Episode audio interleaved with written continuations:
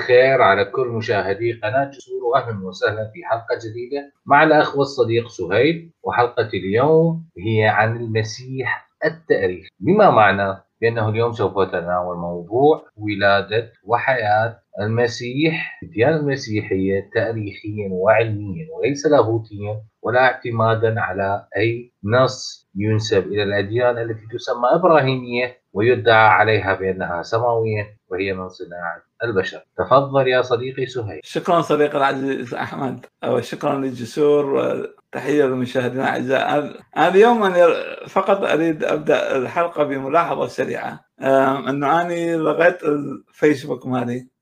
لا أستعمل الفيسبوك. للأسف يعني أنا شفت المتطرفين وال يعني هم عندهم حرية على الفيسبوك. بينما التنويريون ومن يحاول نقد الدين أو الفكرة يتعرض للمنع آه بدل من أن آه وأنا لا أتهجم على المتدينين نهائيا لا مسلمين ولا مسيحيين ولا ولكني انقد الدين كفكرة. آه وأنا فقط أود أن أشارككم حسابي على تويتر كما ترون سترونه الآن على الشاشة.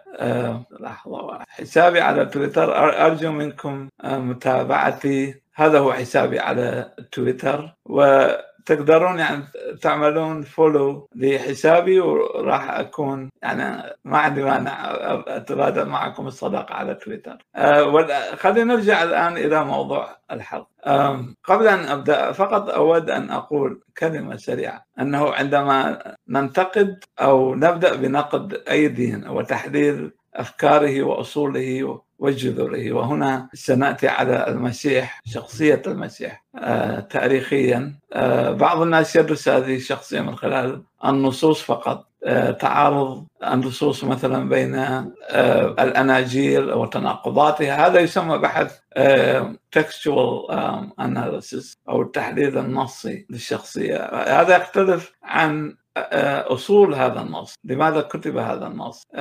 وأنا عندي نظرية قد تفاجئكم.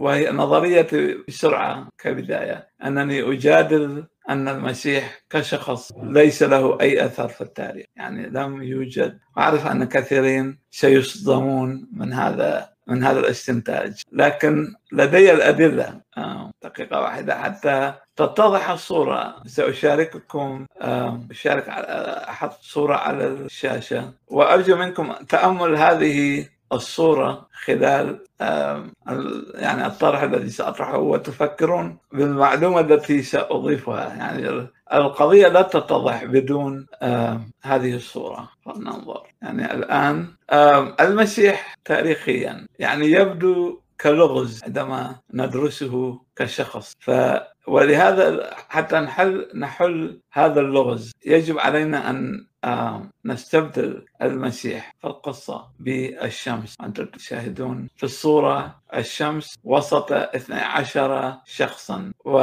وال 12 برجا من أبراج الزودياك فالمسيح بالحقيقة هو رمز سماوي وليس قصة أرضية. وأنا أعرف أن كثيرين مسلمين ومسيحيين أيضا سيفاجئون يفاجئون بهذا الكلام.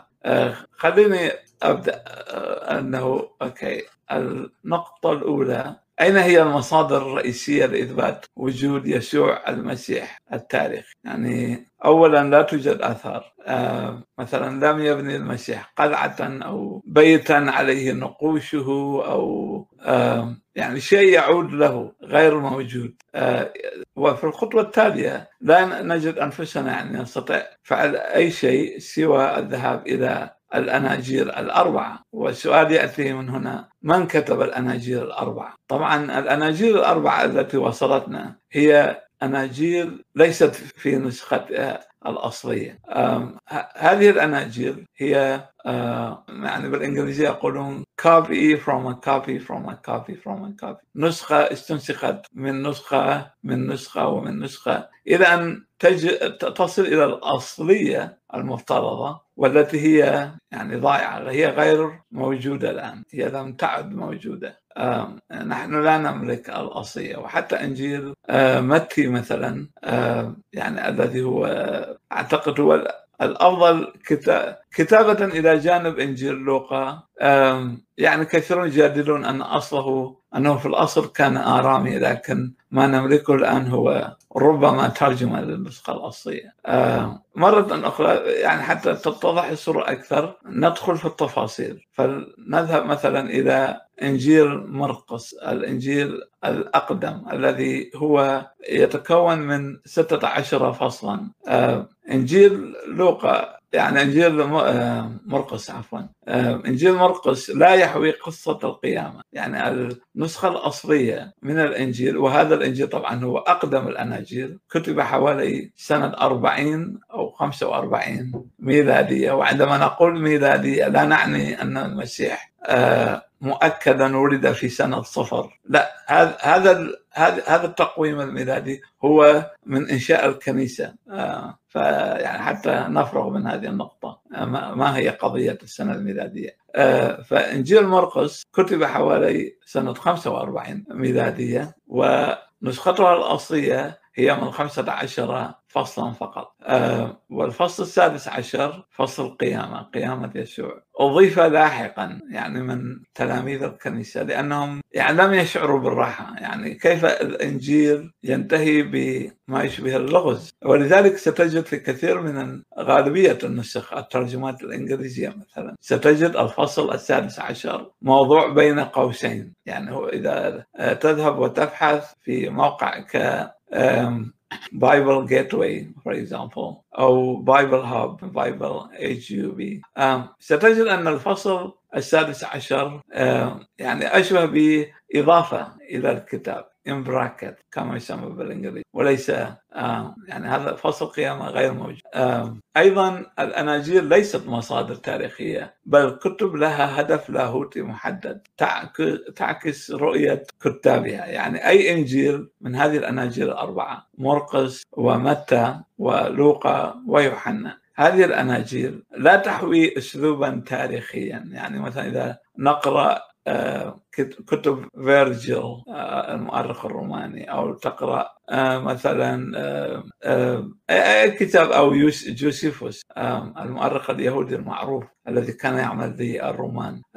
هؤلاء كتبوا بالأسلوب التاريخي لم يكتبوا بالأسلوب اللاهوتي بينما الأناجيل التي بين أيدينا هي كتب لاهوتية. ونحن عندما ننتقد ننتقد هذه يعني هذا هذه المسيحية. سنكتشف لاحقا وأنا سأتي إلى هذه النقطة. لماذا الإسلام يبدو كدين غير مكتمل عندما يعني يتعلق الموضوع بالمسيح؟ نعم سنأتي إلى هذا. آه، أيضا المصدر الأساسي الذي هو إنجيل مرقس أراد تقديم إيمان ينقض الدين اليهودي من خلال تقديم يسوع على أنه أشبه بنبي يهودي يحاول الاختباء. يعني إذا تقرأ إنجيل مرقس تجد أن المسيح بعد كل معجزة يقول لمن شفاه وللحاضرين معه اذهب ولا تخبر أحدا. يعني يحاول أن يجعل الموضوع طي الكتمان. بينما نجد أن إنجيل يوحنا مثلا الذي هو أحدث هذه الأناجيل يعني كتب حوالي سنة 95 أو سنة 100 ميلادية انجيل يوحنا يفعل العكس تماما حيث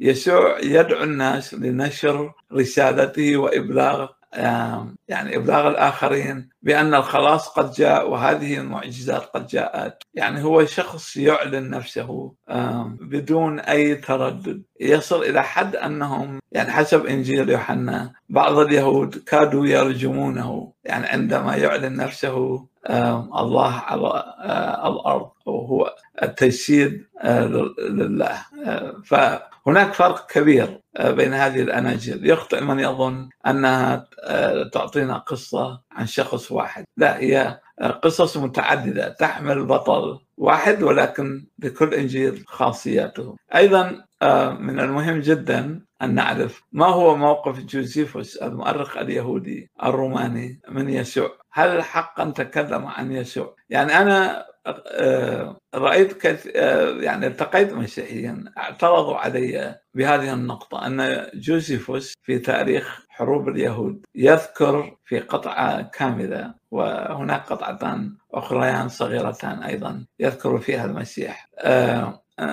أنه يقول أن المسيح هو المخلص في هذه القطعة الرئيسية.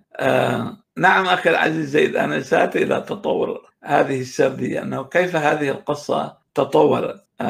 يعني كما أن الأشياء لديها تطور كما أن في الطبيعة الأشياء تتطور evolution آه، القصة أيضا تتطور حسب حاجة المؤمنين وحسب حاجة اللاهوتيين الذين يستخدمونها. لكن أريد هنا أن أتي إلى الدليل التاريخي الذي يستدل به كثيرون الذي هو قطعة آه، جوسيفوس.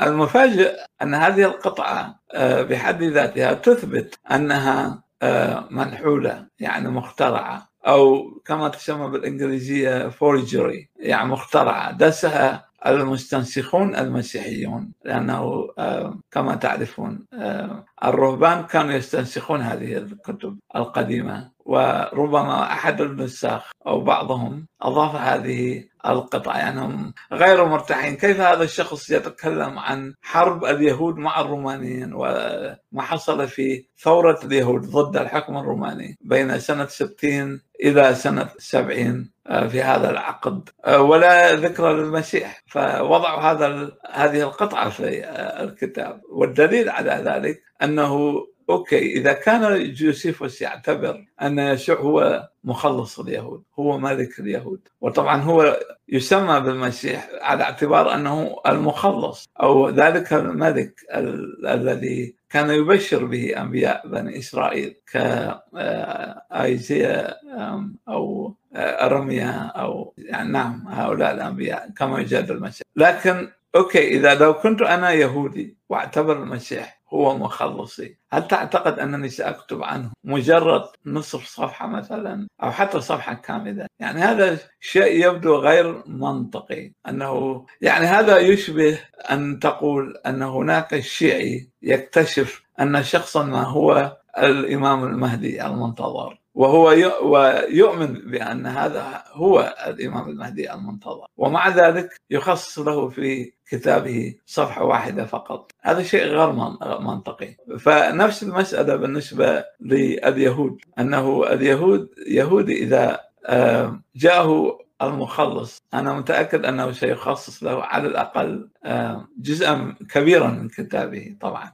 آه، هذه النقطة اللي ردت أطرحها عن الدليل التاريخي. وأيضا هناك من يجادل أن هناك لا أتذكر اسم المؤرخ الروماني لكن على كل هناك تواريخ رومانية تذكر أن نيرون بعد حريق روما أه، حوالي سنة 60 أو 66 لا أذكر بالضبط لكن في هذه الفترة. يعني حول غضبه على المسيحيين وجعل المسيحيين هم المتهمين بحريق روما. أه، وبالتالي يعني يتساءل كثيرون كيف وجد المسيحيون بهذه السرعة في روما؟ يعني وهذا دليل على وجود المسيحية وأن وهذا دليل أن المسيح هو شخص تاريخي وله تأثير. وكثيرون يشككون أن هذا ربما أيضا تكون من المدسوسات في النص. أه، لأننا أه، نجد إشكالا آخر طبعا. سنأتي على إشكالات أخرى. فلنستمر. أيضا دروث هناك كاتبه امريكيه مشهورة اسمها دوروثي ميلين موردوك أيضا معروفة باسم كاريا أس توفيت سنة 2015 تطرح نظرية كون قصة المسيح. هي قصة لاهوت كوني أو ما يسمى بالإنجليزية ب astrotheology يعني هذه القصة بالحقيقة هي تشرح لاهوت لا تشرح قصة شخص حقيقي. والتي لو تأملتها ستجد أنها تتطابق مع آه، ظهور يعني ملامح كونية. آه، ولكي نفهم هذه القضية بوضوح. آه، يعني كما شاهدتم لو وضعنا المسيح في الصورة كشمس سوف تتضح الصورة. لأن آه، هو ولد من عذراء. حسب القصة. وأيضا آه، لا ننسى أن لديه 12 تلميذا وهذه هي الأبراج ال 12 وهو أيضا يعني يتعرض للخيانة من قبل تلميذ الذي هو آه، يهوذا الأسخريوطي الذي يوافق برج العقرب مرة أخرى.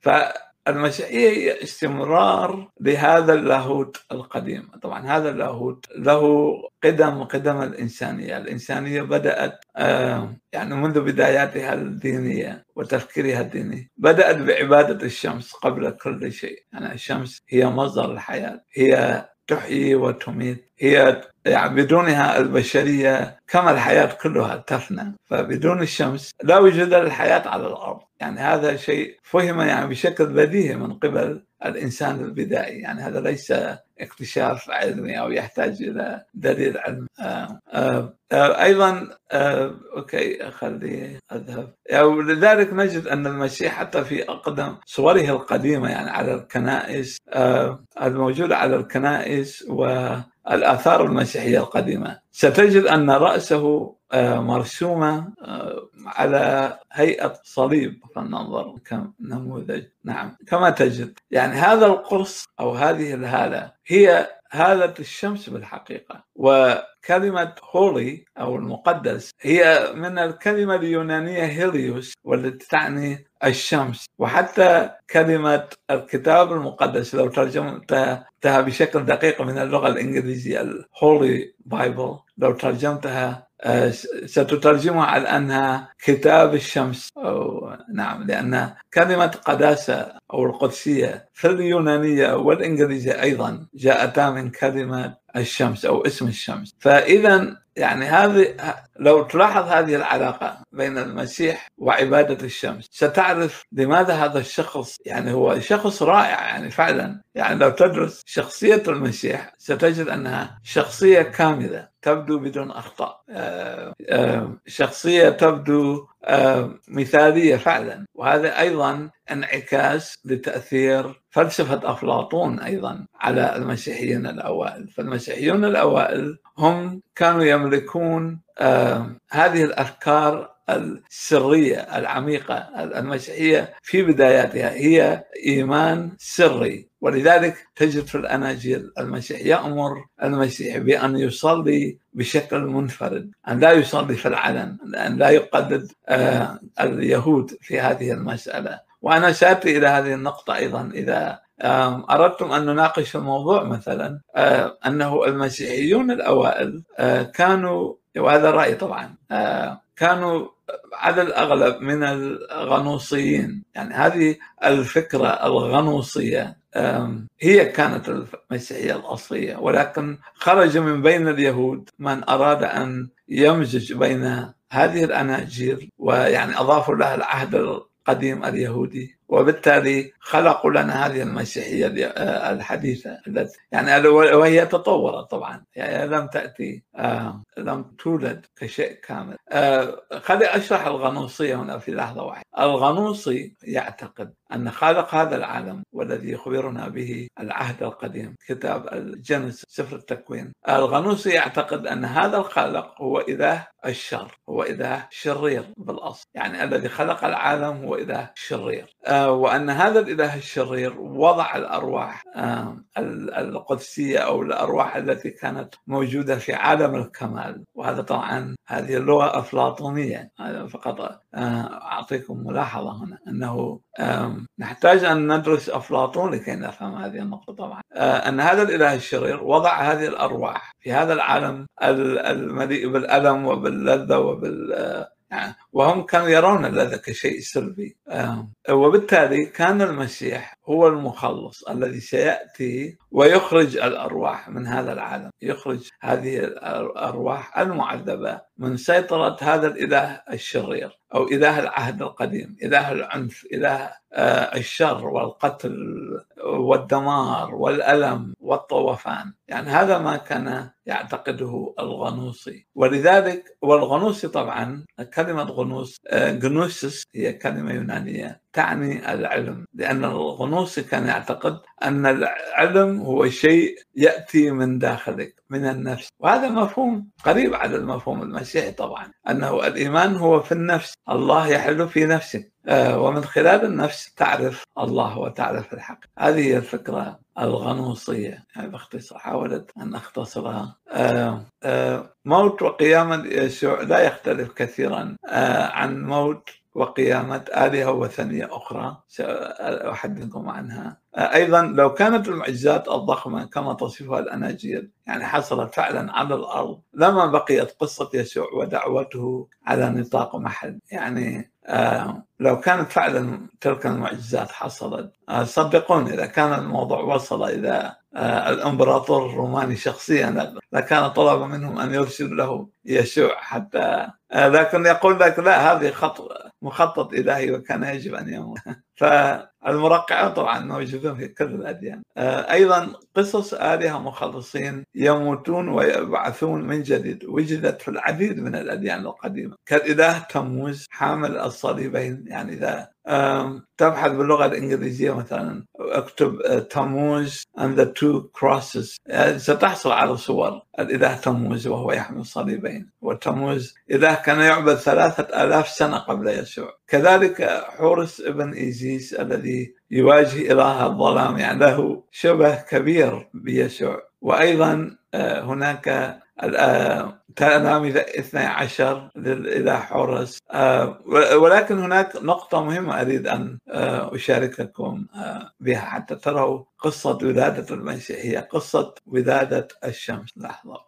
أحتاج أشارككم هذه الصورة سأشرحها أنه لكي نفهم مرة آه نعم. أنه في اليوم الخامس والعشرين من ديسمبر يعني هذا اليوم الذي نعتبره يوم ميلاد يسوع آه الإله المخلص. آه نحن نعرف قصة الملوك أو الحكماء الثلاثة. آه هؤلاء الحكماء الثلاثة آه، يأتون من بلاد فارس أو يقولوا من المشرق. يعني هم مجوس يأتون ويقودهم نجم لولادة الإله فيسوع يولد يعني مولود هو ولكنه يعني تقوم به في الخامس والعشرين من ديسمبر. وهذه الصورة توضح لكم أنه عند الشروق في اليوم الخامس والعشرين من ديسمبر تحصل, تحصل هذه الظاهرة الطبيعية أن هناك ثلاثة نجوم يعني مترابطة كما ترون يعني كأنها هم الحكماء الثلاثة آه، وهي تسمى آه، عند الفلكيين القدماء بالملوك الثلاثة three kings آه، في برج Orion أو belt Orion belt وهنا تجد نجمة سايروس سيريوس المشهورة. في الشرق كأنها ترحب بشروق الشمس لأن الشمس تبقى في أفق معين. وكأنها يعني هي هي اليوم آه، يصبح أقصر وأقصر وأقصر. إلى اليوم الثالث آه، أو الثاني الثاني والعشرين من ديسمبر تتوقف الشمس. آه، ولكن في في اليوم الخامس والعشرين تبدأ مرة أخرى بإعلان أن الأيام ستطول مرة أخرى. فهنا المسيح هو أشبه بعودة الحياة. أن ولادة المسيح هو إعلان عودة الحياة. وهذا الملك يعلن عودة الحياة البشرية نعم.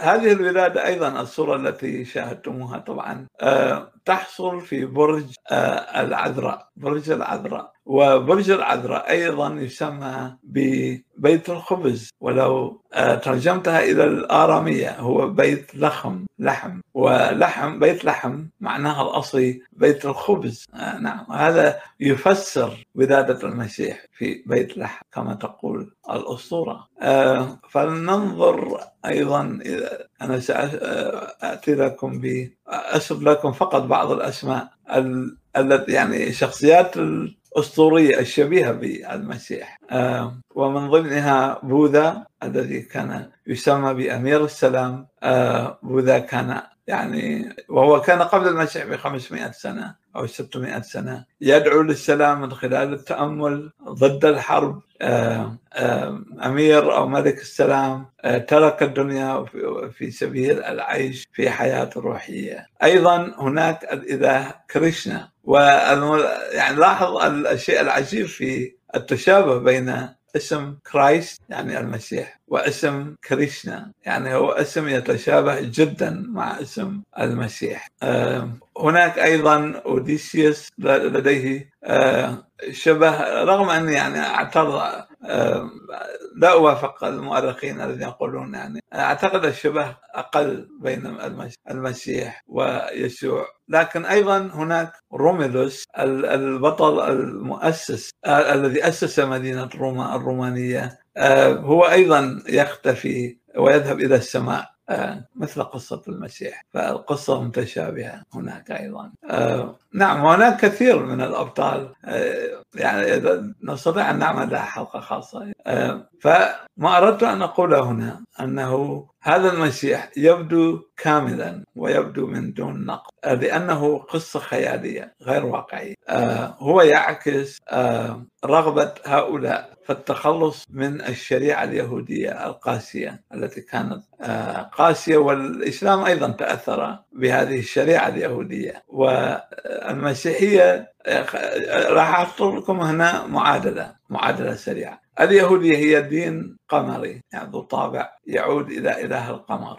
كالأديان القمرية السابقة البابلية مثلا كانت تقدس القمر أيضا إلى جانب الشمس. فجاءت المسيحية وجعلت الدين يتجه نحو الشمس. لذلك تجد التشابه بين المسيح والشمس يعني كبير جدا صفات الشمس. وحتى عندما يعود المسيح يقولون سنستقبله بين الغيوم طبعا لأنه الشمس.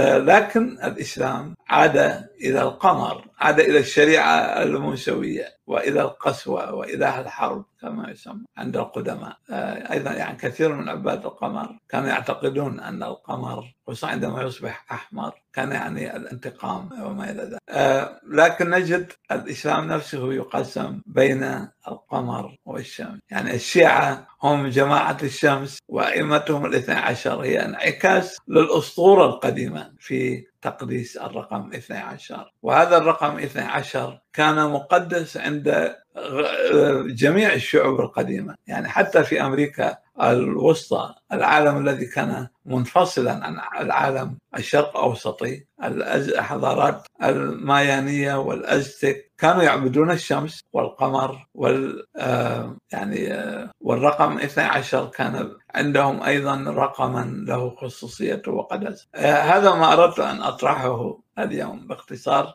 الموضوع شائك وعميق. لكن أرغب في المناقشة. إن أردتم. شكرا. شكرا لك يا سهيل شكرا على هذا التلخيص الرائع في موضوع اليوم. أصدقائي مشاهدي قناة جسور راح أضع الرابط بالشات اللي يحب يشارك يحب يسأل أخ سهيل يحب يتداخل ناقش وياه أهلا وسهلا. قبل ما نأخذ مداخلات أنا عندي سؤال. ما رأيك بالرأي القائل يا سهيل بأنه لولا الإمبراطورية الرومانية. اتخذت الدين المسيحي كديانة رسمية لما كانت انتشرت. لأنه حاليا حسب الإحصائيات المعترف بها دوليا موجودة في كل مكان في العالم. ولا يخفى على أحد بأنه الديانة المسيحية رقم واحد كورونا. فهو الغرض من اتخاذ الديانة المسيحية في هذاك الوقت كان غرض سياسي بحت لديمومة الإمبراطورية الرومانية في وقتها طبعا. نعم. آه شكرا. آه يعني حتى أكون صريح معك. نعم كان هناك عدة شخصيات مرشحة أن تكون يعني آه، هناك مثلا شخصية وجدت في زمن المسيح أو ما يقال بزمن المسيح. كان يسمى ب ابولونيوس اوف تيانا أو ابولونيوس التياني قصته شبيهة جدا بقصة المسيح. هو ولد من عذراء وكان آه، بسيطا وكان يخالط الفقراء آه، يكره أو لا يعني لا ينحاز للسلطات الدينية والسلطات الدنيوية. له 12 تلميذا آه، يقتل ويبعث يبعث حيا مرة أخرى. هذه القصة لو لو تبناها الرومانيون آنذاك فلنفترض وأعجبت الكثيرين. لكنا اليوم نتحدث عن أبولونيوس بدلا من يسوع أو أو عيسى آه، فنعم للسياسة تأثير كبير في تقرير وجهة نظر تقرير مدى حجم أي دين. يعني حتى الإسلام مثلا آه، لولا الفتوحات والسيف والإكراه لم يكن أحد ليعتنق الإسلام. يعني لأنه مثلا لم يكن قد أتى بشيء جديد لكن المسيحية تمتاز عن الإسلام بأنه دين يمتلك نوع من السرية أو الطابع الشخصي أن هناك علاقة شخصية بينك وبين هذا الإله. فلذلك هي هو أكثر سحرا لكن أعتقد الإسلام سحر الناس من جانب آخر أنه قدم لهم جنة ودعاره في الآخرة وجنس اخروي المسيح المسيحيه لا تفعل هذا طبعا. حتى لا أبتعد عن الموضوع أنه الإمبراطور قسطنطين في القرن بداية القرن الرابع. آه، ما فعله. هو أنه رأى أن كثيرا من جنوده كانوا مسيحيين. وقبل أن يخوض معركة آه، لا أتذكر اسم المعركة الجسر. هناك نعم معركة جسر روما قريب من روما. آه، أعلن أنه رأى في المنام أحدا يقول له أن هذا الصليب وطبعا لاحظ أن الصليب الذي استخدمه كان مختلفا عن الصليب الذي نعرفه حاليا. الصليب الذي استعمله قسطنطين يشبه حرف X هو حرف X وموجود عليه أيضا ما يشبه حرف P و P في اليونانية هو R يعني ركس أو علامة الملك. يعني كانه كان يقول أنه هذا ملك الشمس هو الذي هو الذي سينصر ينصرني على نعم أعدائي. وفعلا انتصر. يعني وكما أعلن كثيرون من من المنتصرين أن إلههم هو الذي نصرهم. نعم صارت هذه القصة آه، متداولة. نعم. فأنا أعتقد نعم أن هناك دور للسياسة في نشر اي دين من الأديان خصوصا في العصور القديمة. هل أنت معي أخ أحمد؟ معك معك. نعم نعم. أرجوك أن أكون أجبت على سؤالك. شكرا طبعا على الإجابة. آه، ويانا أول مشارك الأخ والصديق زيد. تفضل يا زيد. حبيبنا أحمد كل الحب. تحية لك والسهيل صديقي العزيز. وأنا أتصور أحمد راح تطلع أنت مسيحي متخفي لأن الحلقة في الأسبوع اللي فات كانت عن المسيحية واليوم عن المسيحية والظاهر أحمد مسيحي متخفي احذروا. آه، تعليقا صديقي لا أنت أنت من جهة وسهيل من جهة. أقدر أقول لا؟ لا طبعا.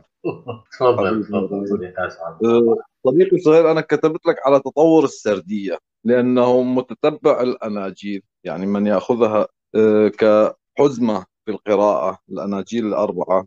ترى حتى ترى فيها حتى شخصية المسيح تتطور أفعال المسيح تتطور نوع المعجزات من شفاء أبرص إلى إقامة ميت. فيعني درجة المعجزة أيضا تطورت وهذا ما قصدته في تطور السردية. أما جزئية اللي تكلمت حضرتك عليها يا سهيل يوسيفوس يوسيفوس فلافيوس فحتى لو كتب يوسيفوس ولو بعض الكتابات مشكوك في صحتها ولكن حتى لو كتب يوسيفوس فهل هو معاصر لفترة المسيح؟ هذا السؤال هو الأساس أنه يوسيفوس عاصر فترة المسيح في وقت كتاباته. طبعا. آه نعم صديقي. فالنقطة الثانية في كتابات يوسيفوس. ولا أريد أن أقول الأصلية والمضافة لأن أكيد الأصدقاء المسيحيين راح يسألوا علي. بس أكثر كلام يوسيفوس كان عن المسيحيين وليس عن شخص المسيح. يعني مثلا ماذا ذكر عن شخص المسيح في كتابات يوسيفوس؟ آه، يقال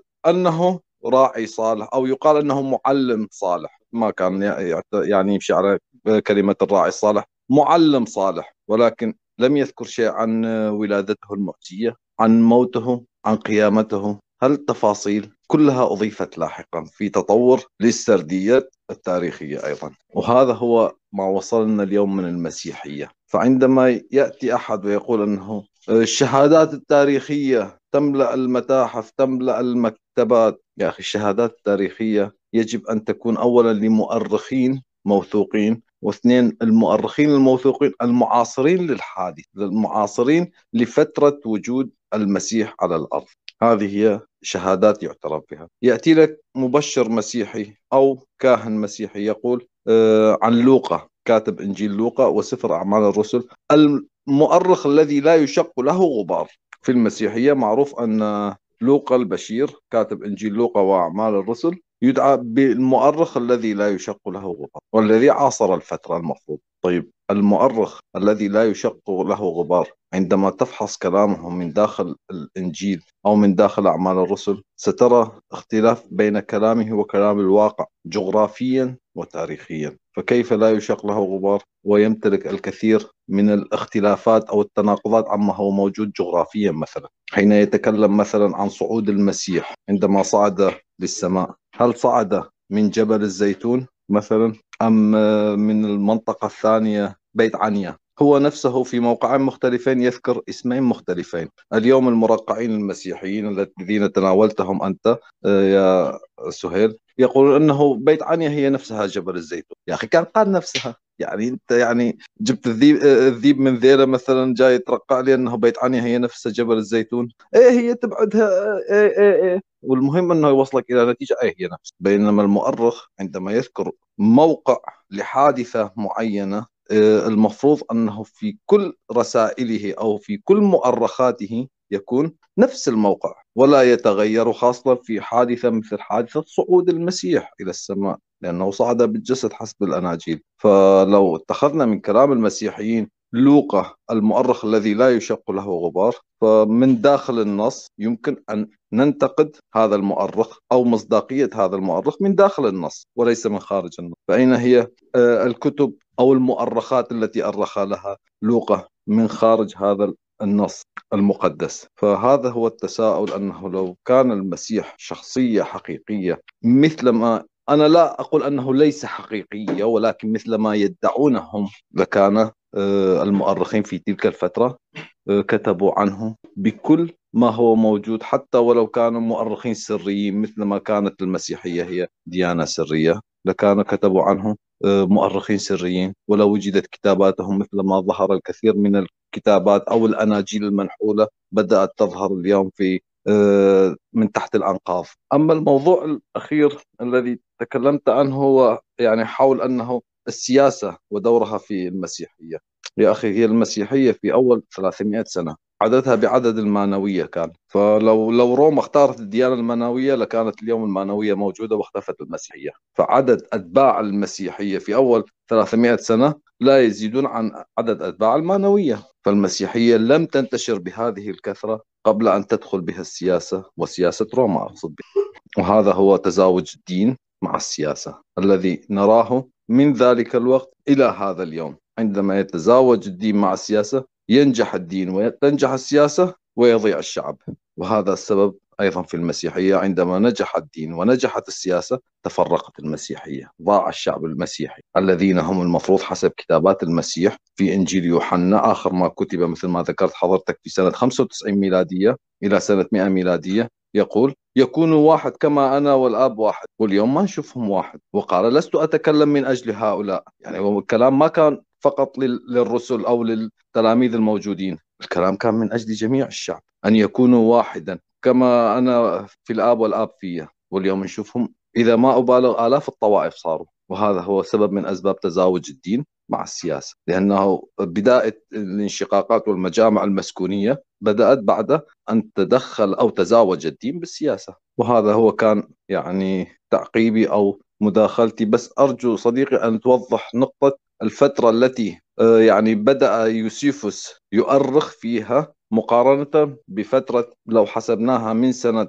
آه، واحد ميلادية إلى سنة 33 ميلادية فترة 33 سنة التي وجد فيها المسيح على الأرض مع مقارنة مع الفترة التي أرخ فيها يوسيفوس حتى تكون واضحة للمتابع أنه لم يكونوا أو يوسيفوس لم يكن معاصرا للحدث فحتى لو ذكر هو ذكر المسيحيين أكثر مما ذكر المسيح. أما الكتابات المضافة لاحقا فأكيد راح يكون ذكر المسيح وذكر تعلق على خشبة وذكر آه، هو الرب الظاهر في الجسد وهللويا وآمين. شكرا أصدقائي ويعني مستمتع بالكلام معكم وفي الحوارات. شكرا لك يا زيد. إذا تحب تعقب يا سهيل تفضل. نعم طبعا. آه، شكرا أخي زيد على هذه المداخلة الرائعة ويعني فعلا لديك اطلاع واسع جدا حول تاريخ الكتاب المقدس ويعني الترتيب الزمني للأحداث عندك دقيق آه،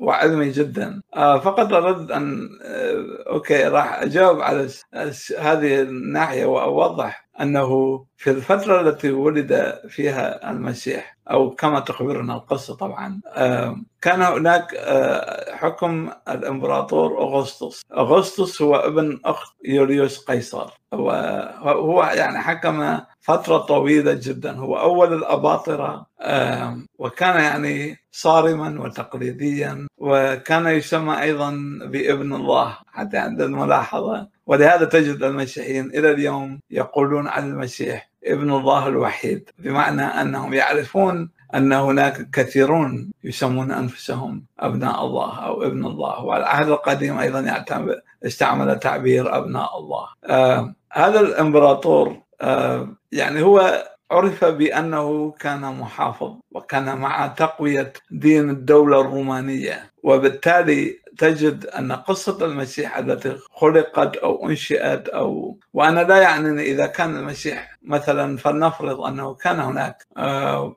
راباي أو يعني آه، آه، حاخام أو مدرس يهودي أو يعني شخص عاش في ذلك الزمن باسم يسوع وأنه بعد مماته حولوه إلى هذا البطل الأسطوري. لأن هذا سيفعل يعني سيعني نفس الشيء. كان المسيح لم يوجد. يعني طالما أن هذا المسيح الخارق هو غير موجود لم يوجد آه لن تختلف القصة. حتى لو كان هناك شخص اسمه يسوع مدرس ومعلم و... ولذلك تجد يعني في الإنجيل يقولون فقالوا له يا معلم. آه لكن أيضا يجب أن لا ننسى أنه في المدارس الفلسفية اليونانية والفلسفة اليونانية آنذاك كانت قوية جدا وعاشت بضعة قرون أخرى من القوة. آه هذه هذه المجتمعات يعني في بدايات آه فترة المسيح من سنة واحد ميلادية إلى سنة ثلاثين. هذه المجتمعات كانت آه متأثرة جدا بالأفلاطونية. الأفلاطونية التي ترى أن الواقع هو مجرد يعني شيء باطل غير حقيقي وأن الحقيقة تكمن في الروح وفي العالم الأعلى. وطبعا هذه الأفكار كان لها تأثير لاحق سلبي على الإسلام والقدر وما إلى ذلك. هذه قصة أخرى. آه، لكن حتى أوضح هذه العلاقة أنه بين سنة واحد إلى سنة ثلاثين تم يعني كانت قصة المسيح أو هذا المخلص الشعبي منتشرة بين شعب لا يملك كثير من الثقافة. يعني تخيل أنه في مدينة كاملة قد يكون هناك بضعة أفراد فقط يقرؤون أي كتاب أو اي أو يعرفون شيء اسمه آه، أفلاطون مثلا فهذا المتدين أو حتى المتدين اليهودي أين يتلقى معلوماته؟ يذهب إلى معبد أو إلى يعني مكان يتعبد فيه حيث يتلقى القصص من الحاخام أو من أي رجل يتزعم هذا المجتمع الصغير. فغالبية المجتمع آنذاك لم يكونوا يعرفون القراءة والكتابة. ولذلك من السهل جدا طبعا أن يتناقل الناس هذه القصص خصوصا أنت تعرف أن آه، كان هناك حياة صعبة. مثلا إمبراطورية تتصارع آه، بين حين وآخر وحكام آه، عقوبات جسدية إرهاب أخذ ضرائب بالقوة. يعني لم يكن الناس يعيشون هذه الحياة التي نعيشها مثلا في دولة قانونية حديثة آه، الراحة والقانون وحمايه الشرطة هذه الأشياء لم تكن موجودة. ولذلك كانوا يحتاجون إلى نوع من المخلص. شيء يستطيعون أن يعيشون به معنى للحياة. ولهذا هذا البطل قدم لهم نوعا من الراحة النفسية. وبالتالي هذه القصة قصة البطل البسيط بدأت تتطور. ولذلك نحن نتفاجأ فنجد أن القديس بولس الذي عاش في نفس فترة آه، يوسيفوس أي حوالي 60 سنة أو 30 سنة بعد قصة صلب المسيح 30 أو 40 سنة. آه، بعد صلب المسيح. وإذا آه، نأخذ الولادة ولادة المسيح طبعا تصير سنة 60 أو 70 في هذه الفترة هناك الكثير من الأشياء تحت هناك تمرد يهودي ضد الإمبراطورية الرومانية. هناك آه، من نسميهم بزيلوتس أو الغيورين. نعم اليهودين اليهود الغيورين الذين كانوا يؤمنون أن الله سيتدخل لنصرة اليهود ضد الاحتلال الروماني. يعني كما يقاوم الفلسطيني اليهود الآن. كان اليهودي على نفس الأرض يقاوم الرومانيين. نكتشف أن هناك شخص اسمه بولس يخبرنا عن المخلص يسوع. وطبعا هو لم يلتقي بالمسيح. لم يعرف لم يعرفه شخصيا ابدا. آه، وأعتقد أنه ربما يعني المسيح صلب أو آه، نعم أو هو ولد يعني بعد الصلب أو قبيل الصلب فهو كان في الأربعينات آه، أو 45 عام 70 ميلادية مثلا. يقول بولس في رسائله أن هناك آه، انجيلا مزيفا ينتشر الآن بيننا يعني تخيل في هذه الفترة يعني المبكرة من تاريخ المسيحية. يحدثنا مؤسس واحد من مؤسسي المسيحية وهو القديس بولس الرسول عن إنجيل مزيف اذا فهناك احتمال وارد جدا أن المسيحيين وجدوا قبل المسيح. يعني شوف هذه الفكرة. أن المسيحيين وجدوا قبل المسيح. آه، المسيحيون على الأرجح كانوا يهودا آه، تمت تربيتهم تربية يونانية متأثرون بالفلسفة اليونانية الثقافة اليونانية بقوانين الدولة اليونانية. آنذاك وطبعا الرومانيون أيضا كانوا يعني معجبين جدا بالحضارة اليونانية. آه، وحتى بعد سقوط روما بذلك بأربعة قرون. سوف تبقى الدولة الرومانية طبعا باللغة اليونانية في المشرق. البيزنطي. ولذلك أقول لكم يعني أنه الفلسفة اليونانية والثقافة اليونانية هي التي هيأت لظهور المسيح. أنه هذا الرجل آه، هو في الأصل فكرة. وبالتالي آه، عندما يخبرنا بولس آه، أوكي يعني هذه هذا ما اكتشفته. بولس في رحلته وهو كان يضطهد المسيحيين حسب ما يقول لنا في رسائله في طريقه إلى دمشق. يعني وهو كان يكره المسيحيين ويريد اضطهادهم يفاجئه يسوع و يعني في يعني كأنه يأتيه في ضوء قوي جدا ويصاب بالعمى ويعني يقول له المسيح أنه لماذا تضطهد يا بولس؟ في فيحصل له أن يعني التغير ويعتنق المسيحية. لاحظ معي يعني لو تأملت الشمس بعيني سيحصل لك نفس ما حصل لبولس. سوف تصاب بالعمى. فيبدو أنه ربما كان عند المسيحيين آنذاك طقس من الطقوس التأمل في الشمس وما إلى ذلك وأصيب بالعمى وحصلت له هذه الحالة النفسية واعتنق المسيحية. ونحن لا يعني ليس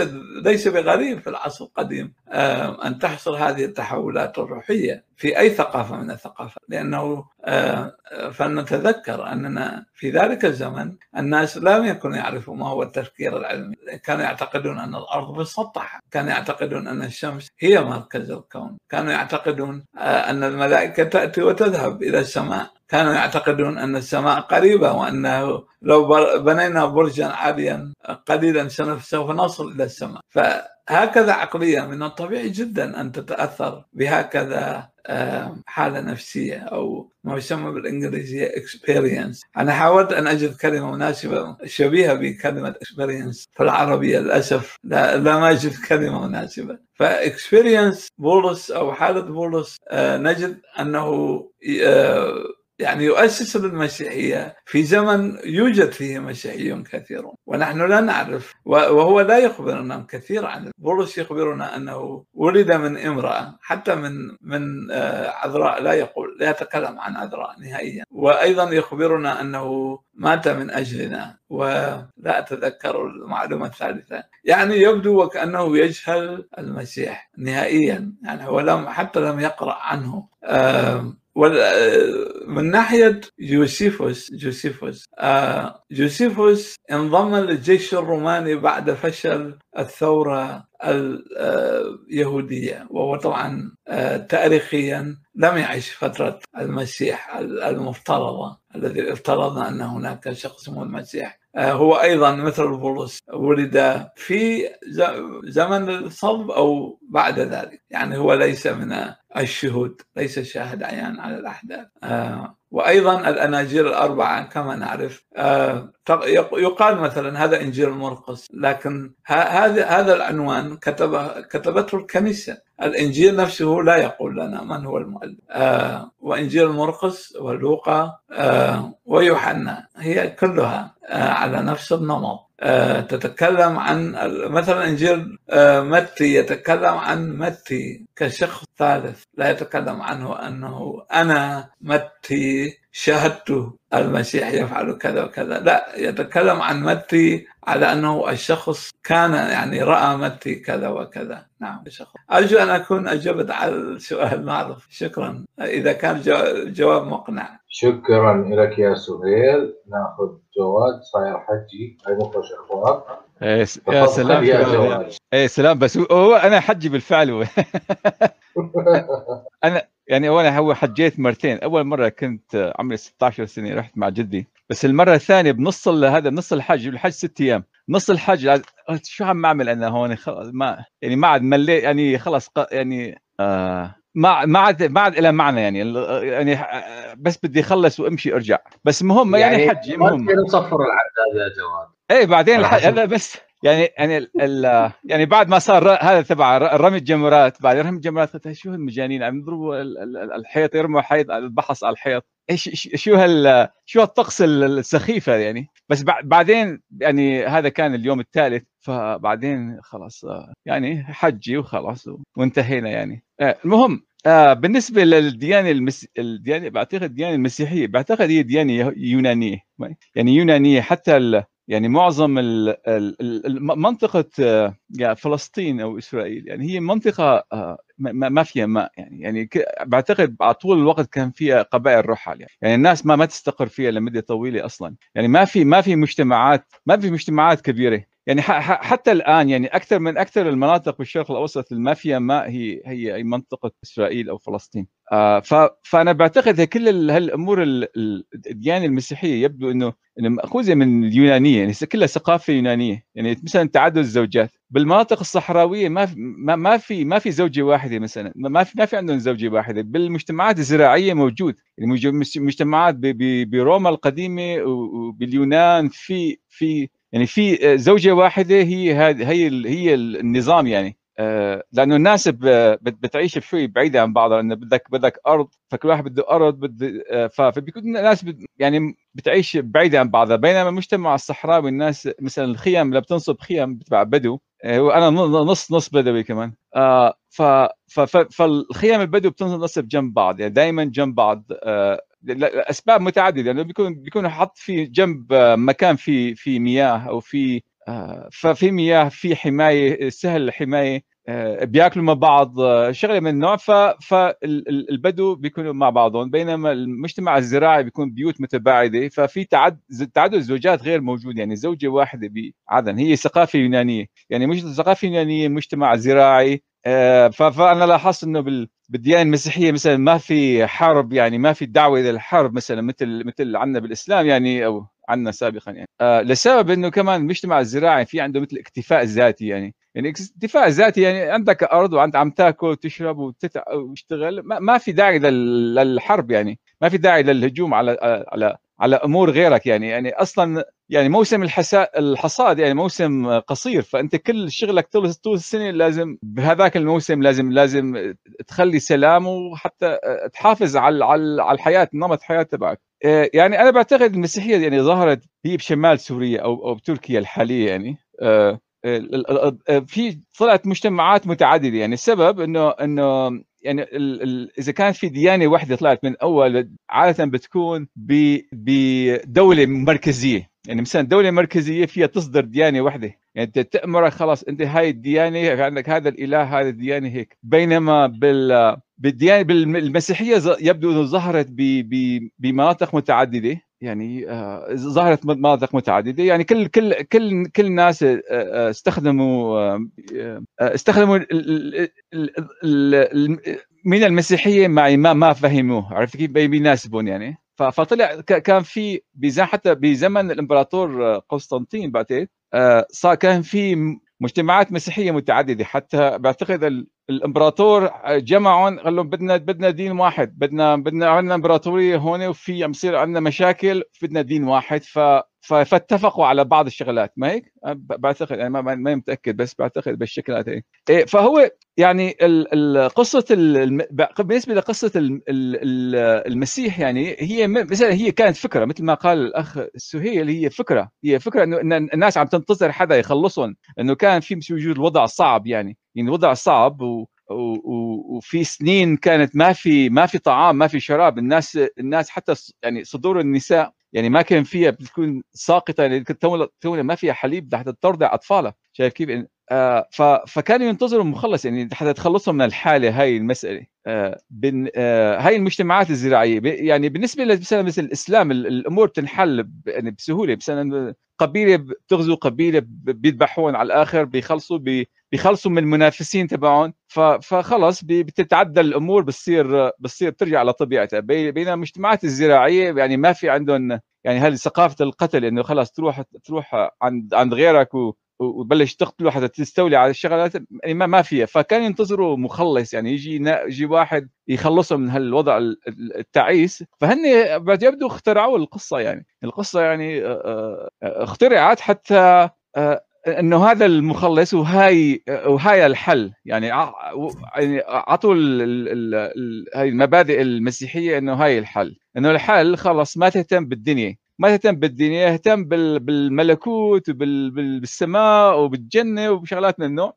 فهيك هيك على طول. حتى حتى عند بعتقد المسيحية في شغلة اسمها الرهبان ما يعني الرهبان يعني بيخرجوا عن الحياة بيصيروا خلص ما عاد ياكلوا أكل بسيط وخلص بينتظروا بس حتى حتى حتى يطلعوا لعند لعند الله مو هيك؟ في منا بالمسيحية وفي منا بالبوذية نفس ال نفس ال نفس القضية. آه بال بالإسلام ما في موجود ما موجود يعني. في خلص الأمور ما عندك ما عندك خلاص تروح تقتل الناس القبيلة الثانية وتستولي على النساء والأطفال وانتهت الفيلم يعني. يعني يعني يعني بالنسبة لل... بالصحراء لازم تقضي على المنافس تبعك. يعني منافس على, على الأرض وعلى الماء يعني على, الأرض وعلى الماء. يعني يوما ما بده يأخذ الماء اللي أنت ممكن تستخدمه. فأنت بتقضي على نسله حتى. كيف فهي بالثقافة الإسلامية. بالثقافة المسيحية ما في هيك ما هيك أشياء لأنه ثقافة زراعية. آه، بالنسبة للثقافة والقراءة يعني. يعني الناس بالزراعه بهذيك المجتمعات ما بعتقد كانت تحتاج آه، للقراءه والقراءه والكتابة. اللي يحتاج القراءة والكتابة هن آه، في يعني في فئة واحدة هي التجار. يعني التاجر بده حتى يتاجر حتى يروح من مكان لمكان لازم يكون عنده مادة مكتوبة الناس بمكان ثاني تفهمها. اللغة الكتابة بذاك الوقت هي الأرامية لغة الشرق الأوسط هي آه، كان في هي كتابة للتجار هي بالأصل آه، والأديان كيف؟ يعني الأديان اللي اللي في عندها في عندها مناطق انتشار واسع يعني إذا كان في إذا كان في دين ما له انتشار واسع عادة ما في له حتى ما في ما في له كتابة عرفت كيف؟ يعني حتى الدين اليهودي ما ما ظهرت الكتابه إلا يعني كان كان كان كان كتاب يعني شفوي. يعني شفوي بس كل يعني قابل للتعديل. يعني لما يكون كتاب شفوي فقابل للتعديل. يعني يصير كتاب مثل ديناميكي شو بيناسب؟ فبيجي هذا الراباي بي بي بيحكيها. آه بس بعدين أجبروهم بعتقد في مرحلة من مراحل أجبروا ال ال بعتقد الملوك الرومانيين أجبروا اليهود انه يكتبوا ال يكتبوا شو شو بي شو بي شو بيأمنوا بالفعل يعني شو هن كيف عم يفكروا يعني. فهن أجبروا على على كتابة على كتابة أفكارهم. يعني بجوز يمكن مو مو فترة مو فترة طويلة قبل المسيح يعني يعني قبل قبل التاريخ الرسمي للمسيحية. آه فبعتقد أكثر الأشياء كانت كانت شفوية. وكانت شغلة جيدة يعني شفوية يعني ممكن تعدلها حتى تناسب ال... حتى تناسب الوضع يعني الأوضاع بتتغير فأنت إذا شفويه ممكن تعمل لها تطوير بسيط والأمور تتطور. آه وهي كانت آه آه، يعني آه، وجهة نظري بالموضوع وشكرا لكم يعني. برنامج يعني حلقة مفيدة معلومات كثيرة أنا ما كنت أعرف عن المسيحية كثير حتى أخ بهجت حكى. يعني معلومات آه، آه، معلومات آه، يعني جيدة عميقة. في لا يعني مو مو من مو معلومات سطحية يعني. وشكرا شكرا للزيت شكرا لبهجه شكرا لأحمد. وهذا كان رأيي. تفضل. الميكروفون لكم. تفضل. شكرا لك على المشاركة يا حجي جواد. بعد حجي صرت. خلاص تكتب حجي ما تكتب حجي انت انت حجي. أنا حجي بالفعل هو حجي. يعني يعني هو آه يعني بس يعني حجي حجي يعني هو بالاسم كان له فائده يعني آه إنه أنا كنت رايح أشتغل بالسعودية عرفت كيف؟ ف...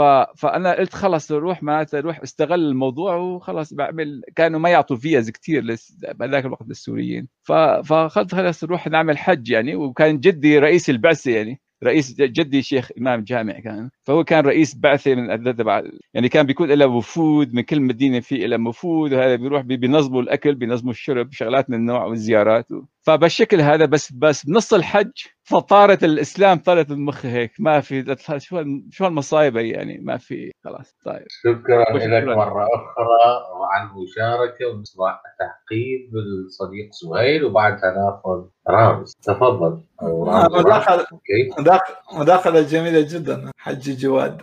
أشكرك على هذه المداخلة الرائعة. و يعني إذا في مداخلة أخرى نعم تفضل. لا ماكو مداخله ما أعرف الصديق آه، رامز كيف أو طلع من الهاي احتمال عنده مشكلة ويرجع. بس نسمع مداخله وأنا أيضا عندي سؤال موجه لك وزيد بعد ما تخلص أنا بس عندي تعقيب على... تعقيب على الشيء اللي انذكر يعني من آه، سهيل أو من جواد. يعني هو أوكي خليها للأخير زيد بس خلينا نسمع سهيل وبعدين نرجع لك. طيب. ماشي؟ طيب صديقي. تفضل يا سهيل. فقط أود أن أشير إلى نقطة مهمة هنا أنه المسيح في الإسلام يعني من المهم جدا أن ندرس ربما في حلقة أخرى أو مستقبلا يعني المسيح في الإسلام يظهر أن الإسلام هو الدين كان في طريقه إلى التطور ولم يكتمل يعني المسلمون إلى الآن إذا تسألهم آه، لماذا سمي المسيح بهذا الاسم؟ لماذا عيسى المسيح؟ يعني لماذا موسى هو موسى ولماذا زكريا زكريا وفقط المسيح له هذه هذا الامتياز آه، في القرآن نفسه يعني هو مذكور أكثر من محمد المسيح وأمه وولادته العذرية أيضا. لو أنكرناها طبعا نحن نضرب الإسلام أيضا. فنحن لسنا نضرب آه، أحد أساسيات المسيحية بل واحدة من أركان العقيدة الإسلامية أنه المسيح ولد من عذراء. فنحن نقول أن هذه خرافة.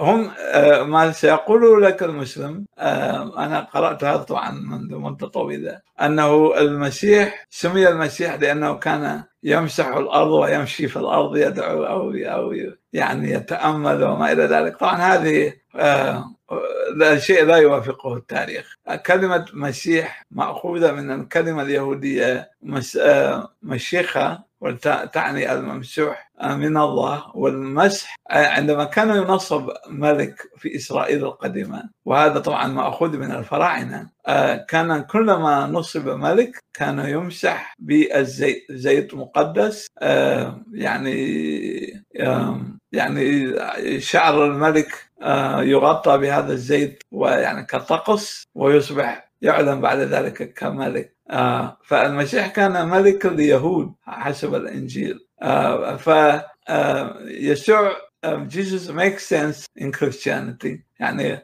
المسيح يبدو منطقي داخل المسيحية لكنه غير منطقي داخل الإسلام. أكون صريح معك. وشكرا لكم يعني هذا فقط تفضل. شكرا لك. ويانا الصديق راموس مساء الخير. من زيد. مساء الخيرات. صوتي كلش مسموع كلش زين؟ واضح. واضح. أنا الأخ رامز من هولندا روتردام بالتحديد. و... أهلا وسهلا. والضيوف طلبوا مني أنه يشارك طبعا.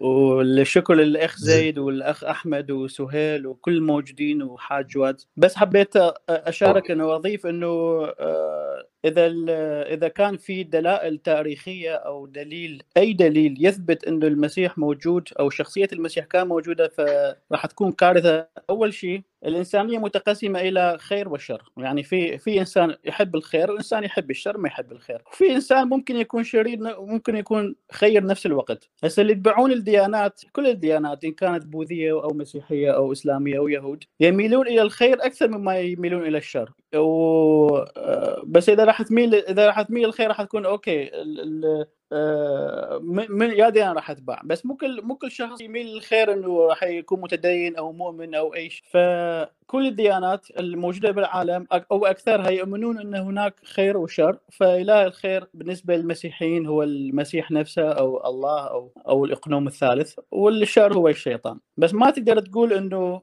آه، الشيطان هو المسؤول عن أعمال الشر أو أو غير مسؤول لا الإنسان هو يقرر. أنت أنت المفروض تأخذ قرارات ال- الشريرة أو الخيرة. وبعدين حسب الديانات الموجودة آه، راح راح يحاسبوك بيوم القيامة أو شوف شوف إيش وقت يحاسبوك. فممكن يعني هذا سؤال أخ سهيل هل إذا في دلائل في وجود شخص اسمه المسيح أو يسوع أو ابن مريم هل راح تصير كارثة على كل الانسانيه ولا لا؟ شكرا لك يا رامز شكرا على تلبيه الدعوة.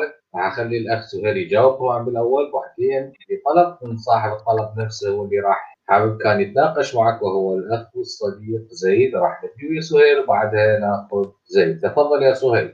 شكرا أخي رامز. آه، على السؤال يعني ما أعرف آه، لو أثبتنا وجود المسيح تاريخيا نعرف يعني من اين ستاتي الكارثة آه، لكن برأيي أنه آه، وطبعا هناك مؤرخون يعتقدون أن المسيح وجد تاريخيا. مثلا هناك بارت إيرمان هذا أحد أشهر المؤرخين الأمريكيين الذي درس حياة المسيح. والرجل يعني غني جدا بفضل شهرة مؤلفاته ومحاضراته. هو يعتقد بوجود المسيح التاريخي لكن وجود المسيح التاريخي بالنسبة لإيرمان وغيره من المؤرخين الواقعيين لا يعني شيئا. يعني هو يقول حتى لو وجد المسيح هذا الشخص المسمى يسوع آه، آم، لن يغير شيء لأن هذه المعجزات المذكورة في الأناجيل ستبقى بالنسبة للمؤرخ الواقعي والتاريخي. هي مجرد آم، أساطير أو قصص آم، روحانية. يعني مثلا لو أخذت قصص القرآن آم، على نفس النسق وحاولت إثباتها تاريخيا ستفشل. لكن لو أخذتها كقصص وعظ وخيال وللحاجة النفسية هذا شيء آخر طبعا.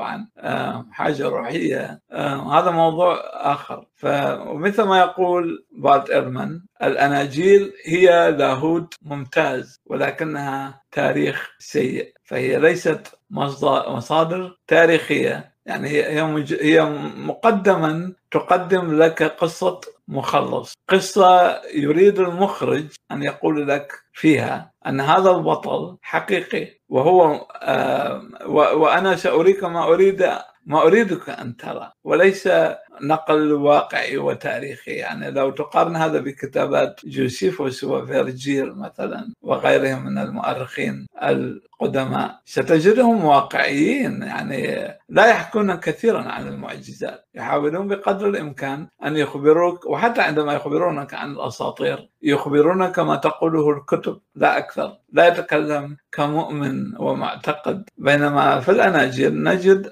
الإيمان يتكلم. وهذا طبعا لن يكون مصدر موثوق. ونفس الشيء يتعلق بالقرآن. يعني كثير من المسلمين تسألهم آه، ما دليلك على نبوة محمد؟ يقول لك قال تعالى في القرآن. يعني كيف تستدل بالقرآن على أن القرآن هو كتاب إلهي؟ يعني هذا يسمى بالدور والدور باطل. أنه دليل ألف هو ألف نفسه. طبعا هذا منطقيا آه، باطل ويمكن نقضه بالمحاججة المنطقية لأنه أنا وأي شخص آخر في هذه الجلسة يستطيع أن يعلن أنه النبي المخلص وتقول مثلا دليلي هو كلامي. هذا طبعا كلام غير منطقي وغير واقعي أيضا. فلا لا أعتقد أنه حتى لو أثبتنا وجود المسيح تاريخيا لو وجد دليل تاريخي على وجود المسيح لا أعتقد أنه ستكون كارثة أو فائدة كبيرة لهذه الأديان. كان عندي غير سؤال شكراً لك. السؤال. سهيل. إذا تحب تسمع إجابة زيد وبعدين تسأل سؤالك يا رامز. يا رامز عفوا. براحتك أنت شلون تحب؟ آه، إذا إذا طبعا إذا زيد خليه يجاوب هسه قبل ما أسأل غير سؤال. تفضل يا زيد. المايك معك. طيب شكرا صديقنا رامز يعني على تلبية الدعوة. صديقي رامز آه، بالنسبة لموضوع الحلقة هو مناقشة آه، تاريخية أو وجود المسيح تاريخيا. مثل ما ذكر صديقنا سهيل أنه لا يمكن الاعتماد على الأناجيل كمصدر تاريخي. لأن لو اعتمدنا على الأناجيل كمصدر تاريخي فأيضا يجب علينا الاعتماد على القرآن كمصدر تاريخي للإسلام. وهي مصادر إيمانية أو روحانية أكثر مما هي مصادر توثيقية أو تاريخية. ومثل ما ذكرنا المثل آه، في إنجيل لوقا وفي أعمال الرسل آه، عن الاختلاف في المنطقة الجغرافية. وهذا ما نتكلم عن لوقا الذي لا يشق له غبار المؤرخ الذي لا يشق له غبار في نظرة المسيحية. فيعني أنا لم أدعي وجود المسيح. في نفس الوقت لا أرفض وجود المسيح. إذا وصلت لي فكرة موثوقة عن تاريخية المسيح. أما مثل ما ذكرنا في بداية الحلقة آه، يوسيفوس وغيرهم هل كانوا معاصرين للمسيح؟ الجواب بكل تأكيد لا. فالمؤرخ الذي لو كتب شيء لم يعاصره فهو ناقل للشيء. آه، لوقا تكلم مثلا عن الولادة العذرية. هل هو شاهد على الولادة العذرية؟ بكل تأكيد لا. إذا هو ليس مؤرخ لأنه لم يشهد الحالة. بالنسبة لموضوع طرحته أنت صديقي رامز على الشات أنه وله قد يكون بعيدا نوعا ما عن سرد الحلقة أنه أوروبا آه، تعتمد على آه، المسيحية في قوانينها لأن معظم الرؤساء مسيحيين أو من عوائل مسيحية. طيب وهل أوروبا تقبل بالكلام الذي يقول من ضربك على خدك الأيمن حول له الآخر أيضا. لتجرب أي دولة اليوم تضرب صاروخا على أوروبا وترى مخالب أوروبا كيف تخرج؟ عن أي مسيحية نقول عنها في الدساتير الأوروبية؟ وهذا أسمعه كثيرا من المبشرين. أين هي تعاليم المسيح في أوروبا؟ من طلب آه، ثوبك فأعطه رداءك. من سخرك ميلا فامضي معه ميلين. أين تطبق هذه التعاليم؟ أين تطبق هذه التعاليم اليوم في أوروبا؟ على أنه هاي هاي تعاليم sorry هاي مو بين دول ولا بين سياسات هاي تعاليم بين أخ واخوه وصديق وصديقة.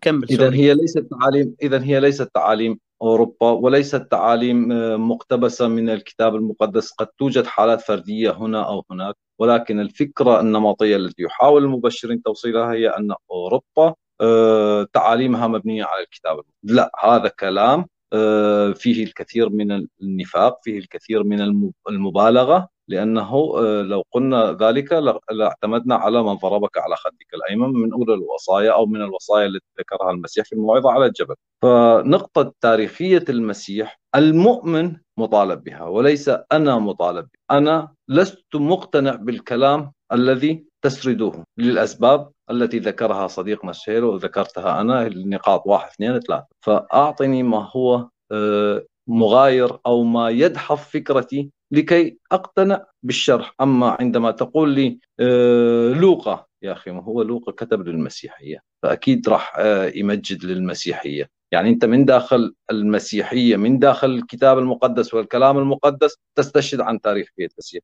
هذا ليس استشهاد تاريخي لأنه يجب أن يكون من خارج الصندوق. فأعطيني الأسماء اللي هي من خارج الصندوق واستشهاداتها لكي نفحص ونتأكد أنه المسيح هو فعلا شخصية تاريخية أم هو آه، يعني شخصية مخترعة مثل ما يقول بعض المشككين. وهذا ليس كلامي. وفي تعليق أخير لصديقنا سهيل على الموضوع اللي ذكرته طبعا موضوع جدا آه، صحيح هو أنه كانوا يعني جهلاء لا يعرفون القراءة والكتابة وباستشهادات. الإنجيل نفسه عندما يقول آه، أيخرج من الجليل شيء حسن؟ هاي في الأناجيل. وفي رسائل بلص آه، اختار الله جهال العالم ليخزي بهم الحكماء. فأيضا استشهاد على أنه كانوا جهلاء. وفي انتشار الأناجيل أيضا ليس فقط بولس الرسول تكلم عن هذا بل أيضا آه، لوقا في بداية إنجيله يقول آه، مثل ما أخذ كثيرون يؤلفون في الأمور المتيقنة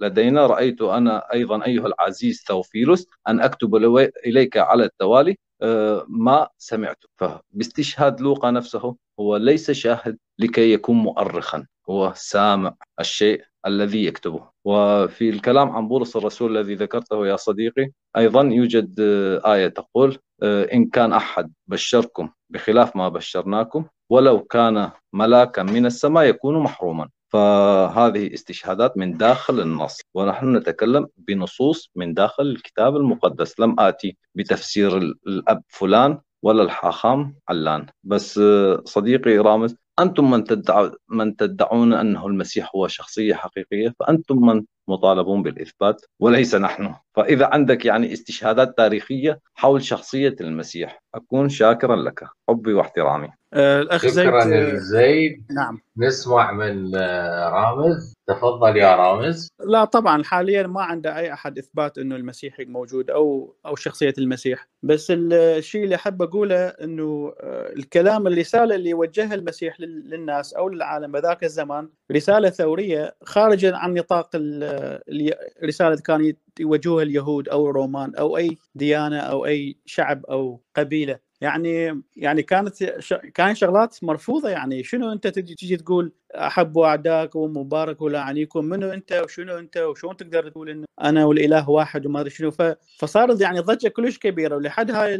لحد هسه هاي الأمور يعني يقدسوها العالم. يعني من هذا الإنسان اللي يجي يقول هاي الشغلات؟ ولو ان يعرف هاي الأمور كانت يجوز كان موجودة بغير ديانات أو غير شعوب أو شغلات. بس ذاك الزمان وذاك المكان كان شيء كلش كبير وواضح. ولما أقول إنه الشعوب الأوروبية توحدوا ضد الجيوش الإسلامية وتحت راية الدين وتحت راية الكاثوليك. يعني هذا التاريخ هذا التاريخ يعني شبه حديث يعني. هذا قبل مئات السنين صار هذا الشيء إنه في سنة 1500 أو 1700 أو 1400 حروب الصليبية. ففكرة المسيحية هي طريقة طريقة للعيش طريقة للإيمان وليست طريقة أنه أريد أدلة. هسه كثير من الناس يقولوا لي إثبت أنه إلهك موجود. أنا أقول لهم إلهي هو مو مو نفس مستوى الإنسان. الإنسان مستوى أخوه الإنسان بس الاله مستوى الالوهيات السماويات. لازم هو يثبت نفسه أنه هو موجود مو اني اثبت لك إلهي يعني هذا شيء غير منطقي إنه واحد يسألني أثبت إنه إلهك موجود أو أثبت إنه دينك صح. لا. أنا لما أبشر بالمسيحية أو لما أحكي ويا الناس عن المسيحية أقول هذا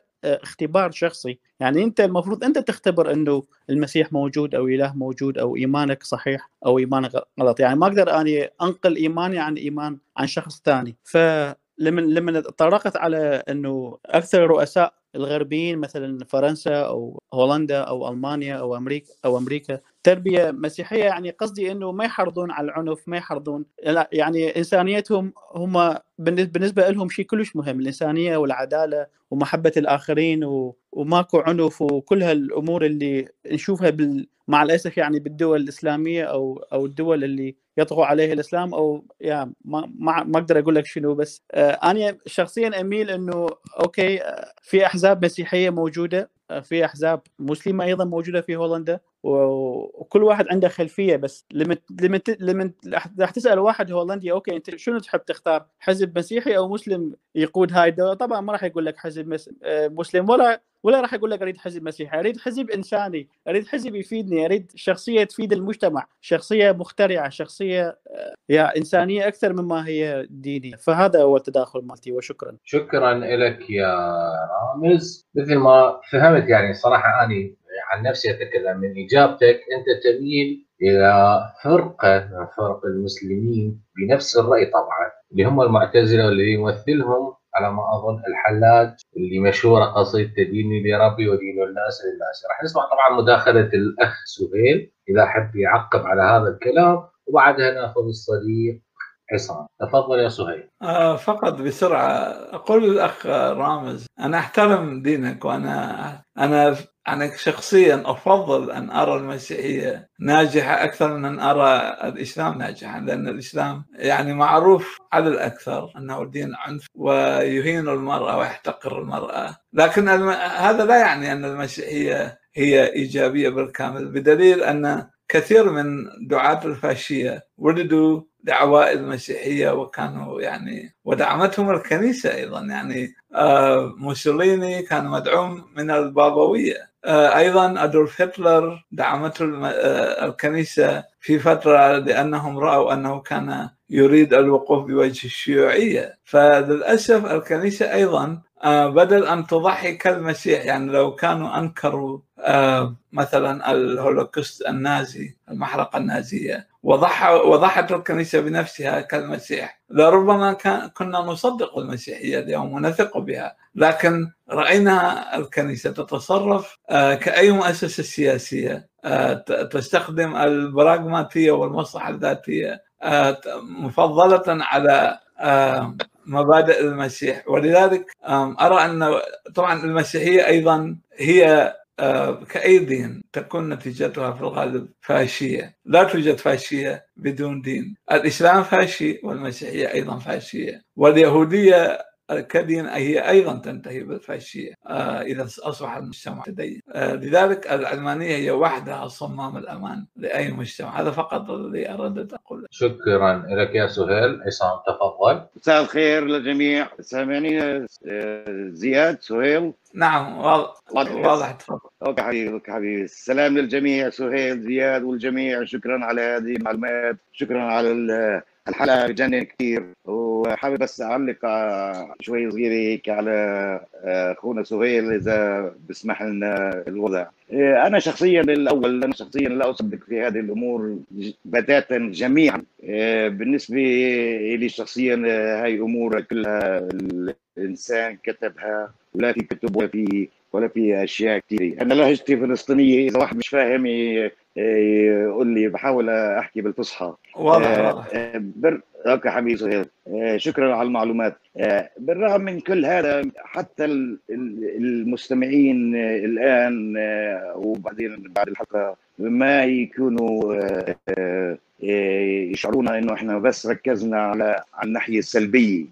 حابب بس أذكر إنه حلو الواحد يركز على الأشياء اللي اللي هي يمكن أن تكون لهم يعني. فمن ناحية الإثبات العقلانية الأمور اللي ذكرت اللي هن بفكروا إنه هي معقولة تكون صحيحة. إيه، أنا بقول يجب ذكر هذه الأمور العقلانية إذا أثبتت. يجب أن تكون غير مركزين على الناحية السلبية. فهي النقطة اللي حابب أقولها. بالرغم من كل هذه هذه الأمور اللي ذكرت والمغالطات الموجودة اللي أخذ ذكرها إيه، من ناحية الروحية والغلطات الواو واو جميعها والجميع بذكروا إنه المسيحيه هي مش دين بركزوا على الأمور هاي. دين مش دين هي كتب فيها. روحانية مش روحانية. فكل هذه الأشياء مفهومة وهن فاهمينها. بس حلو نركز على الأشياء اللي يمكن إثباتها ومن هنا اذا إذا ممكن اثباتها من ناحية اللي هن بيفكروا ومن هنا نأخذ طرف الخيط. يعني آه، في في واحد أمريكاني كتب كتاب. الكتاب هذا علق على معلومات يعني أكثر من حوالي 3000 ل 5000 شخص عانى من هذه الأشياء أو لاحظ هذه الأشياء أو تمعن في هذه الأشياء. ففي كتاباته قبل ما ينهي الكتاب يعني هو انترفيو a lot of people. باخر الكتاب كتب جمله واحدة إذا بحب اقولها كتب بالكتاب إنه كيف يكون 5000 شخص على خطأ. فهون بنحكي عن المسيحية كيف يكون 3 بليون wrong. ف يعني في في ناس مغمضين في ناس واعيين في different philosophies في different look at the world and everything. فهاي كلها من الإنسان اللي بيجعلني مضطرب في هذه الأمور في كل هذه الأمور كلها كل هذه الأمور إنه اولا حسب ما قلت أنا لا اؤمن بأي أشياء. بتاتا بتاتا. اللي يجعلني مضطرب في هذه الأمور إنه أين هو الله؟ يعني أين هو؟ لماذا كل هذه السنين والآلاف آلاف السنين ومليونز الير يعني شو تاريخنا لحالنا بيقولوا بالفلسطيني يعني آه، شو هالدرس اللي علينا إياه؟ يعني أنا مش فاهم. إذا كانت خليقة إذا كانت خليقته أو تصميمه مثل ما بيقولوا آه كيف يتركنا آه، يترك الخليقه تبعته هيك يعني سايبه يعني إذا كان المسيح حقيقة أول شيء أسأله أنا إذا لقيته أو بعت بعثت له مسج ولا جاوبني ولا على وحدي آه ولا تقول لي حلم ولا تقول لي رؤية ولا تقول لي أشياء ولا لقيت المسيح ولا مش لقيت المسيح فرجيني شيء آه حقيقة حقيقة. يعني تشوفه لحالك أنت بيجيك من الشباك وأنت نايم لحالك يعني يعني ولا مرة يعني شيء مضحك فاللي بقول يعني أنا إذا إذا كان حقيقة ولقيته فوق بالسماء اللي هي في فيش شيء اسمه سماء anyway. كلها غازات ومش غازات anyway. أول سؤال بدي أسأله سؤالي يعني كيف لك أن تكون غير عادل؟ كيف لك أن تكون غير عادل مع أولادك اللي بقولوا أولادك؟ كيف لك ان أن تكون تجعل الإنسانية سفرنج تقول لي إيش دروس ومش دروس وهو بيعرف كل شيء هاي كلها إنسانية. هاي كلها الانسان وراحها حتى يجعل. إحنا ما إذا كان موجود إحنا ولا ممكن نعرف عن الله شيء. وبتاتا بتاتا بتاتا. بعت أنبياء أنبياء كذب كذابين نصابين درسوا الانسان لقوا انه الانسان يكون متسامح مع اخوه الانسان كلها انسانيه اذا كان موجود كيف يجعل الانسانيه سفري كيف بيجعل هذا ال ال ال ال الانسان اللي مصاب بالسرطان من الوجع ينط فوق وتحت من سريره ينزل وزنه يصير زي زي العجينه يعني كيف كيف كيف يصور لنا هذا الرب شيء شيء من هالشكل. انه انه انه الدروس؟ شو هالدروس؟ شو أني أني درس درس بشكل فيه. بتقول لي إنه أنت ما بتعرف رب لانك ولا واحد بيعرف طب شو هال شو شو هالخليقة هاي؟ شو هالخليقة؟ يعني الناس لازم توعى على على التفكيرات اللي من الشكل. ما في دروس من suffering الإنسان. شو يعني شو أنا صابني كورونا. كورونا. والحمد لله صحيت وأخذت ال shot وكل شيء. بس بالوقت اللي اللي فيها كورونا يعني شو هال suffering شو هال short breath شو هالصداع اللي من اللي من ناحية الرضا؟ يعني شو يعني me suffer يا شو هذا شو هالتعليم؟ شو علمتني؟ شو علمتني هاي أنا صحيت وأنا علماني ورحت أخذت ال shot والحمد لله تمام تمام. ورجعت أدخن كمان. والحمد لله مثل ما أنا مثل ما كنت بالأول. وأخذت two Pfizers يعني شو التعليم 2 weeks أو 4 weeks make me suffer فيها؟ إيش إيش إيش الدرس؟ إيش الدرس بدي اعرف وين انت؟ انت من يعني ولا شفت ولا شفنا. يعني إيش المانع إنك آه سيد عصام إذا تسمعني يا ريت. يعني موضوع الحلقة نقاش لأنه إحنا قربنا ننهي فحتى نختصر الموضوع من مشان الوقت مو مشان شيء. أنا آسف طبعا. آخر كلمة ممكن سهيل؟ أمين زياد.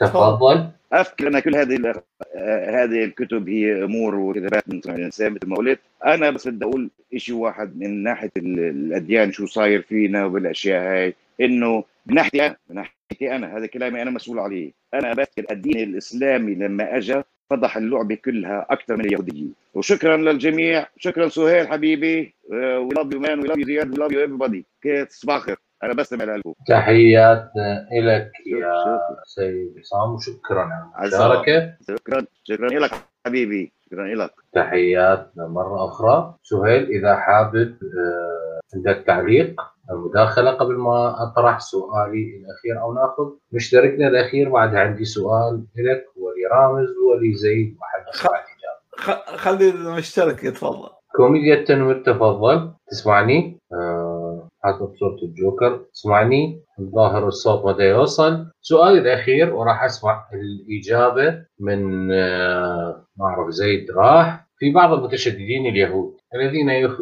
يعني عندهم رأي بأنه أنا ناقشت معهم شخصيا بأنه لا وجود لشيء اسمه الله. هو كذبة اخترعها الأوروبيون حسب وصفهم أو ناس أوروبا آه لمعادلة الكفة مع الديانة اليهودية في وقت أو ليكون عندهم دافع إيماني حتى ينتصرون على اليهودية. طبعا بزعمهم أو هذه الحجة اللي هي موجودة عندهم مثل ما يقولون بأنه المسيح أو كما يسمى في الديانة المسيحية عمانوئيل هو نبي أتى لتصحيح الديانة اليهودية وليس بدين جديد. هاي رجع ويانا. زيد راح اعيد السؤال واعيد المداخلة مالتي الأخيرة اللي بعدها راح نسمع المداخلات الموجودين معنا. فقط أنا آسف لكل الأصدقاء اللي راح يشاركون. بعد هذا السؤال ما راح آخذ أي مداخلة ثانية. الموجودين فقط حاليا معنا على اللايف اليهود في بعض المتشددين اليهود اللي تناقشت معهم شخصيا بأنه الديانة اليهودية هي كذبة. عفوا الديانة المسيحية هي كذبة. المسيح أو عمانوئيل حسب